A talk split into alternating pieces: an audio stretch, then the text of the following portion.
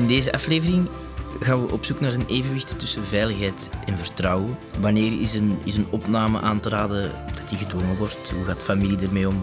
En ik spreek hiermee met Flip, Leen en Greet dus over het evenwicht tussen veiligheid van opname en het vertrouwen in hulpverlening. Hallo allemaal.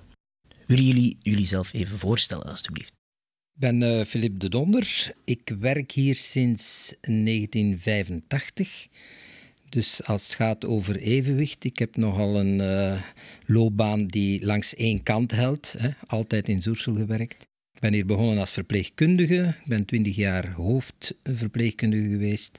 En nu werk ik tien jaar als stafmedewerker in het departement patiëntenzorg. De thema's waar ik de laatste jaren mee bezig ben, want die hebben nogal eens gewisseld in de loop van de jaren, zijn vooral het agressiebeleid in het ziekenhuis. En uiteraard de laatste twee jaar ook heel veel ingezet voor corona. Ik ben Lee Michiels. Ik ben redelijk nieuw nog binnen de organisatie. Ik werk hier nu sinds juni 2020, dus dat is een kleine twee jaar, als familie-ervaringsdeskundige. Dat is eigenlijk een nieuwe functie, ook zeker hier binnen het ziekenhuis, maar ook binnen Vlaanderen is dat nog redelijk nieuw.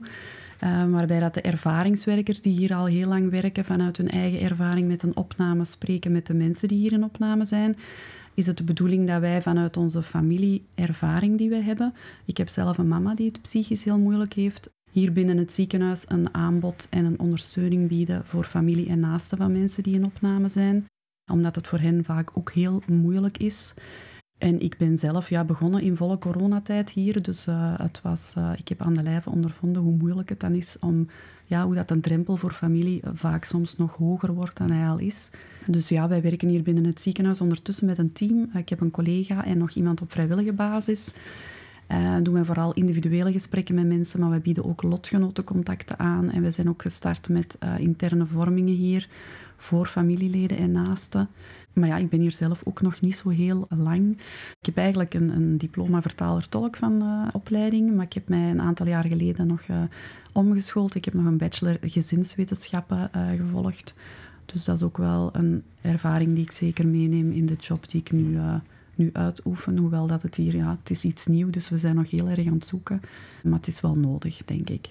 Ik ben Greet Lemmens. Ik werk hier sinds 2000 als uh, psychiater.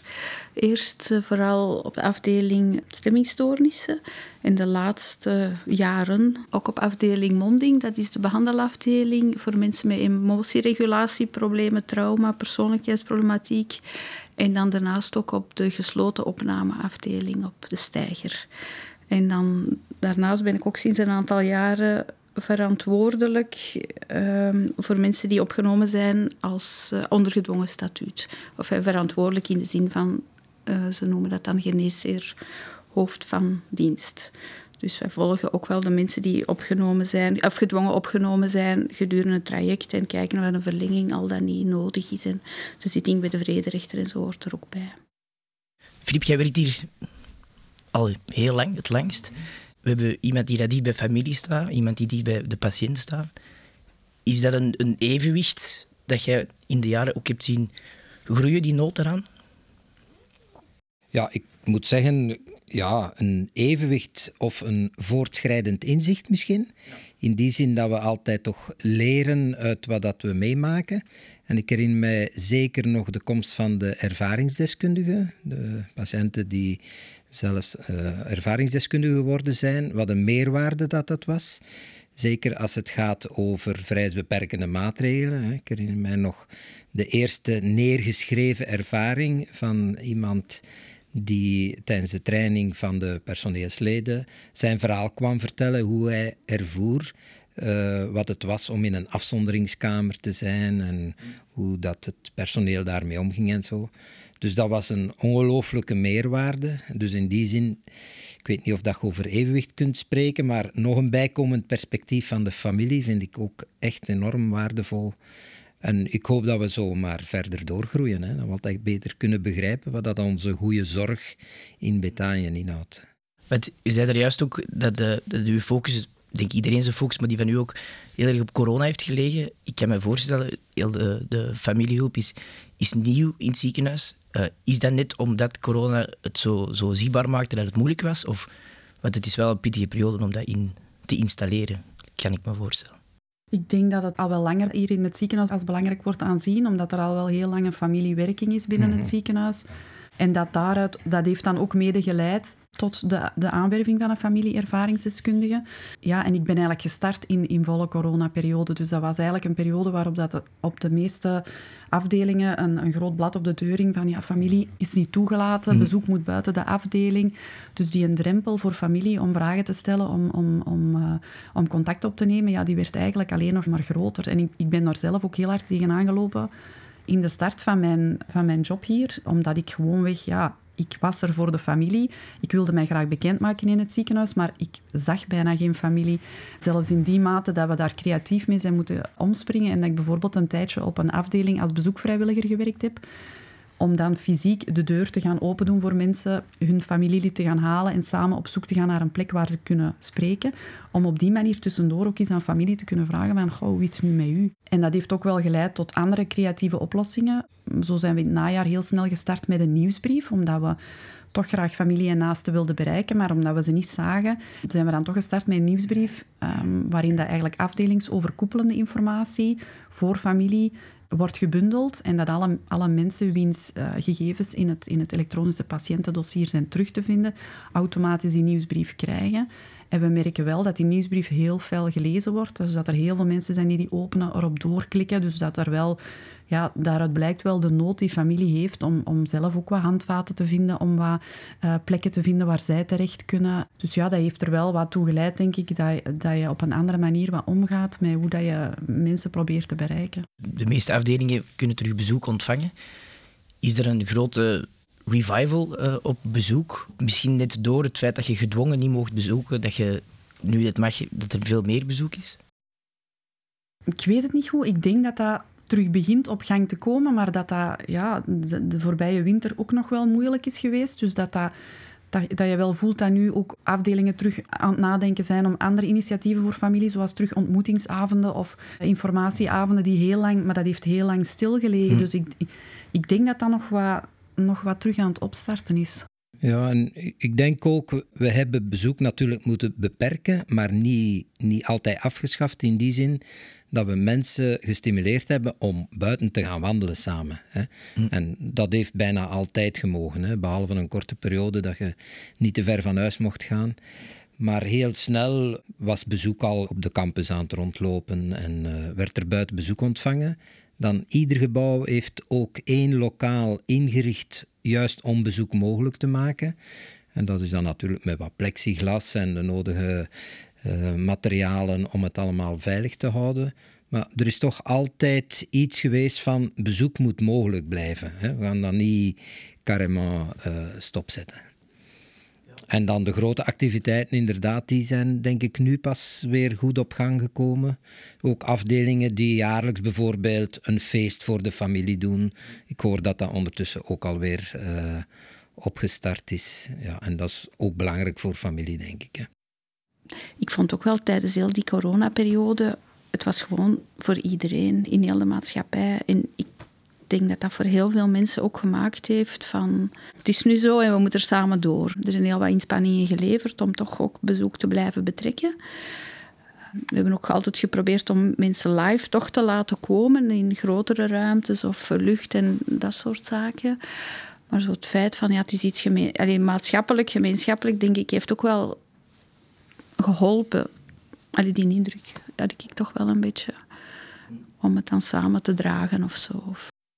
Vraag mij toch ook af, op een bepaald moment hebben we heel wat activiteiten stilgelegd. Maar hebben we aan de therapeuten en aan de mensen van Tracé gevraagd: kom naar de afdelingen. Hè? Want mensen moesten op de afdeling blijven. Nu, het is misschien jammer dat hier geen patiënt zit, maar ik had toen wel de indruk: die mensen worden veel beter omringd. Want al die therapeuten en die psychologen die komen in het weekend werken. En er is veel meer nabijheid bij de patiënten. Zeker als we het hebben over degenen die weinig of geen familie hebben, mensen in de langdurige zorg. ik denk dat die goed omringd geweest zijn. Hè? Omdat er heel wat krachten intern naar de afdelingen gegaan zijn. Hè? En we hebben dat teruggevoeld als we dat terug opengetrokken hebben. Want dat was natuurlijk ook niet zo gunstig dat tracé bijvoorbeeld sloot, omdat daar heel wat mensen van buitenaf aansluiten ook. Hebben dat teruggevoeld dat dat weer verdund werd. Hè. Maar ik zeg dat ook omdat ik denk, wij, wij willen heel erg inzetten op nabijheid bij patiënten. Hè. Om uh, zoveel mogelijk mensen rondom de patiënt te hebben. Ja, en corona heeft ons daar jammer genoeg wel goed in geholpen mhm, en mhm. laten zien dat dat mogelijk was ook. Hè. Denken jullie dat dat iets is, zonder daarin te overdrijven, dat we zelf even zijn verplicht tot isolatie of tot de beperking van mensen te zien? Dat we daar een andere terug soort empathie voor gekregen hebben? Hmm, dat weet ik niet. Ik, ik, ervaar dat niet zo. Ik, ik denk uh, de, de zorg die wij hier in Betanië geven, uiteraard denken we daar ook over na. En hè, wat ik daarnet zeg van die nabijheid, dat is denk ik een element. Ja, je moet daar altijd in verder evolueren. Hè. Maar of dat we nu tot spectaculaire nieuwe inzichten gekomen zijn door heel die isolatie, dat zou ik nu niet direct kunnen bevestigen of zo. Want er worden wel meer en meer teams opgericht die dat zich richten op de, de patiënt en er daar zo een, een soort een zo groot mogelijk aanbod te geven aan niet-therapeutische activiteiten of bredere activiteiten die dat ook op de familie gericht zijn, maar ook op, op die ontspanning, zoals het ontspanningsteam. Um, dat hebt u beleidsmatig wel een beetje ingericht. Ja, maar dat is... Uh, ik denk in oorsprong is dat gekomen omdat wij merkten dat in het ziekenhuis heel veel vrijheidsbeperkende maatregelen, en ik heb het dan heel specifiek over de afzonderingen, uh, dat die s'avonds gebeurden. Ja, en dan zijn we gaan nadenken, maar hoe, komt dat? Ja, dat was nogal logisch ook. Want wat gebeurt er na vijf uur? Iedereen verdwijnt. Hè? Al het dagpersoneel, de verantwoordelijken, de artsen, de psychologen, uh, iedereen verdwijnt en er rest alleen nog het roulementspersoneel. Hè? En hoe dat, dat gebeurt, ja, dat zit ook wat in de muren misschien, maar dat aantal afzonderingen na vijf uur, dat is altijd dubbel zoveel als het geen overdag is. Dus zijn we ook gaan nadenken, ja, wat, wat, wat, zouden we daar eventueel kunnen doen? En we hebben toen ervaren, ik denk eerst omdat er op Steiger zo is iemand was die s'avonds zo wat activiteiten aanbood. En dat dat toch wel echt effect had ook. Mensen hadden ineens s'avonds iets te doen en dat, dat had zijn effect op het uh, minder vrijheidsbeperkende maatregelen. En dus was er toen het idee, en ook omdat de middelen er gekomen waren, om dat ontspanningsteam om daar rond na te denken. Ja, en dan is dat wat samengevallen met corona, dus dat kwam nog heel goed uit. Dat wij in, ingezet hadden op een ontspanningsteam. En dan is misschien de focus van vrijheidsbeperkende maatregelen wat weggevallen, maar ja, dan... Uh, dat is echt ook wel een meerwaarde, omdat het ontspanningsteam biedt in de avonturen niets aan. En zeker als je het dan hebt over mensen die weinig bezoek krijgen en zo. Ja, dat is echt wel fijn ook hè, voor hen. Dat is het mooie wat merkbaar is vaak, nu dat er terug familie welkom kan zijn en er terug zo een familiefeest kan gegeven worden, hoeveel familieleden ook andere patiënten die geen familie hebben of die, die geen familie op bezoek krijgen, hoe dat die dat eigenlijk als één grote familie zien. En dat is wel een mooie werking voor u ook, denk ik, om mee, mee aan de slag te gaan en, en naar te werken. Mensen zijn ook sociale wezens, hè? dus ja, wat wij gemerkt hebben, bijvoorbeeld in, alle, in de vele individuele gesprekken die wij met mensen gedaan hebben, met familieleden, wat veel mensen het belangrijkste vonden en waar ze tegenaan liepen. Het loopt vaak in heel veel gevallen heel goed, maar in sommige gevallen loopt het ook niet goed. Het gaat vooral om dat laagdrempelige menselijke contact of zo. Dat zit niet... Familie verwacht vaak geen oplossingen voor alle problemen. Familie verwacht dat zij ook gezien en gehoord worden voor de rol die zij opnemen. Hè, want vaak voorafgaand aan een opname is er al heel wat gebeurd, heeft er zich thuis al heel wat afgespeeld. En die mensen hebben daar ook een rol in opgenomen. En, en wat dat mensen dan aangeven, dat is eigenlijk het belangrijkste thema dat, dat in al die gesprekken naar voren komt, is zo dat belang van dat eerste contact hier op een afdeling, als het dan gaat over veiligheid en vertrouwen, dat mensen voelen van oké, de persoon die ik graag zie en die het nu zo moeilijk heeft, is hier in goede handen. Maar er wordt ook eens even aan ons gevraagd van voor u moet het toch ook niet evident geweest zijn. Hoe is het met u? En, en dat gaat dan niet over gesprekken die uren moeten duren, maar mensen eens een koffie geven en even horen van... Heb jij nog iets nodig of kunnen wij voor u iets betekenen? En dan, dan hoor je dat dat heel vaak heel goed loopt. En dan, dan merk je dat dat in heel het traject wat er dan volgt, dat dat dat die, als die in basis goed zit, dan, dan is het voor familie ook makkelijker om, om in het vervolgtraject met een afdeling. Ja, ik denk dat dat uh, zeer belangrijk is, want dat is ook weer dat evenwicht tussen veiligheid, maar ook vertrouwen in, een warme omgeving. Hoe is dat bij een gedwongen opname? Omdat het is geen opname uit vrije wil. Dus ik kan me voorstellen dat het vertrouwen, dat er meer vertrouwen moet gewonnen worden dan iemand die zich bereidwillig laat, laat helpen. Absoluut, ja, ja. ik denk dat de focus van de eerste uren, dagen heel vaak daarop ligt om toch vanuit uh, de start van de gedwongen opname proberen in te zetten op, op vertrouwen en heel individueel te kijken van wat wil dat dan voor u zeggen of, of ondanks het feit dat dat niet uw keuze is, wat kunnen we toch voor u doen of waar kunnen we samenwerken. Daar gaat eigenlijk heel veel aandacht naartoe. Uh, heel de opname, maar ik denk vooral de eerste periode, dat dat superbelangrijk is. Ja, en ik denk dat het al fijn is dat we vroeger, denk ik, was bijna logisch een gedwongen opname die s'avonds of s'nachts kwam, dat die voor de veiligheid al op, direct op de afzonderingskamer kwam. En die regel is denk ik helemaal afgeschaft, als dat niet nodig is tenminste. Hè. En uh, ik denk dat ze op nu heel hard aan het nadenken zijn. Zo, wat is een goed onthaal in die eerste, dat eerste kwartier dat er iemand toekomt? Hè? Zo van, uh, hoe kunnen we iemand laten voelen dat hij hier welkom is, ook al is die helemaal over zijn toeren in crisis? En vandaar ook denk ik de accommodatie die we ook moeten herbekijken, juist om dat mogelijk te maken. Hè? Als je op een warme plaats kunt toekomen, is dat al iets heel anders dan een koude gang. Het is inderdaad, iedereen heeft zeer moeilijk gehad. Het is heel lang veel gegaan over, over mentaal welzijn en hoe dat we daarvoor moeten zorgen tijdens corona. Is er voor u een, een tendens ingekomen dat u gezien hebt qua aantal opnames of gedwongen opnames tijdens corona? Ik vind dat moeilijk om dat te zeggen. Ik denk misschien als er de komende maanden wat cijfermateriaal is of zo, dan dat we daar iets meer zicht op krijgen. Maar er zijn een aantal opnames geweest die wel gelinkt waren aan corona. Mensen die dat ook duidelijk aangaven. Mensen waar dat het netwerk, dat vooral het professionele bestond bij sommigen, echt was weggevallen. Thuiszorg die niet meer kwam. Mensen die niet meer een dagziekenhuis konden. Maar ja, er zijn ook heel wat opnames geweest waar dat het dan toch niet zo'n rol leek te spelen. De, de opnamedruk is heel hoog al de laatste jaren. Ik heb niet het gevoel dat corona dat nu nog eens extra heeft uh, aangezwengeld. Nu, soms denk ik wel dat wij zitten natuurlijk in de derde of de vierde lijn. En ik denk dat heel veel mensen het heel lastig hebben, maar die gaan eerst naar misschien een huisarts of een andere hulpverlener. En tegen dat je opgenomen wordt in een psychiatrisch ziekenhuis, zijn al wel een aantal stappen verder. Dus misschien komt dat nog of zo. Dat, dat ik vind dat moeilijk uh, in te schatten. Ook het aantal gedwongen opnames stijgt eigenlijk al heel sterk de afgelopen jaren. Ik zie daar ook niet onmiddellijk een link mee met corona. Ik vraag mij wel af zo, of dat we dat inderdaad niet op lange termijn meer gaan zien. Als ik zo naar mijn eigen kinderen kijk, die hebben ook echt afgezien. Hè? Die dan nog studeren, die hebben geen studentenleven gehad, die, uh, die hebben heel veel moeten missen. En waarschijnlijk gaat er een groot deel dat heel goed verteren en die gaan uh, terug hun leven in handen nemen en die gaan als eerste terug feesten en doen. Hè? Maar ik kan me wel voorstellen dat op lange termijn dat toch ergens een, een wonde heeft gebracht bij mensen die... Uh, ja, die misschien heel erg uitkeken naar een studentenleven en dat hebben moeten missen. Hè? Zo, uh, ja.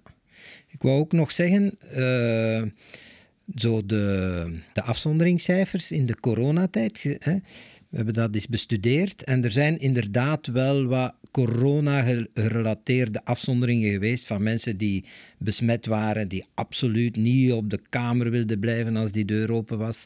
En dan is die deur wel gesloten, maar ik denk in de totaliteit gaat dat maar over een klein aantal. Het is nu niet dat wij spectaculaire hogere cijfers hebben gehad uh, in coronatijd. Hè. Ik denk dat dat aan heel andere aspecten gerelateerd is. Integendeel zelfs, het was lager, maar ik denk veel minder opnames gedaan toch ook. Er zijn toch afdelingen waar mensen, als het kon, uh, die positief waren, die dan best thuis bleven en zo. Dus uh, ik heb de indruk dat dat daar wel mee te maken heeft. En wat ik daarnet zei, heel veel mensen, zowel overdag als avonds op de afdeling, ja, dat, dat doet ook iets. Hè. Tegelijkertijd worden er door de, door de overheid en, en zo natuurlijk, er zijn, er zijn regels die dan sowieso al niet door iedereen graag worden toegepast. Maar wat op een, op een gesloten afdeling bijvoorbeeld toch ook niet altijd makkelijk is om een mondmasker te dragen, uh, afstand te houden. Um, sowieso is er heel veel medicatie. Er komt ook een vaccin bij. Uh, hoe zijn jullie daar mee omgegaan of hoe hebben jullie dat toch proberen te laten leven binnen, binnen de groepen? Ik denk te mogen zeggen dat wij een huis zijn waar de geest belangrijker is dan de regel ik spreek nu eventjes vanuit de coronalijn. Hè, dat ik denk belangrijk is dat wij zelf goed de regels kennen.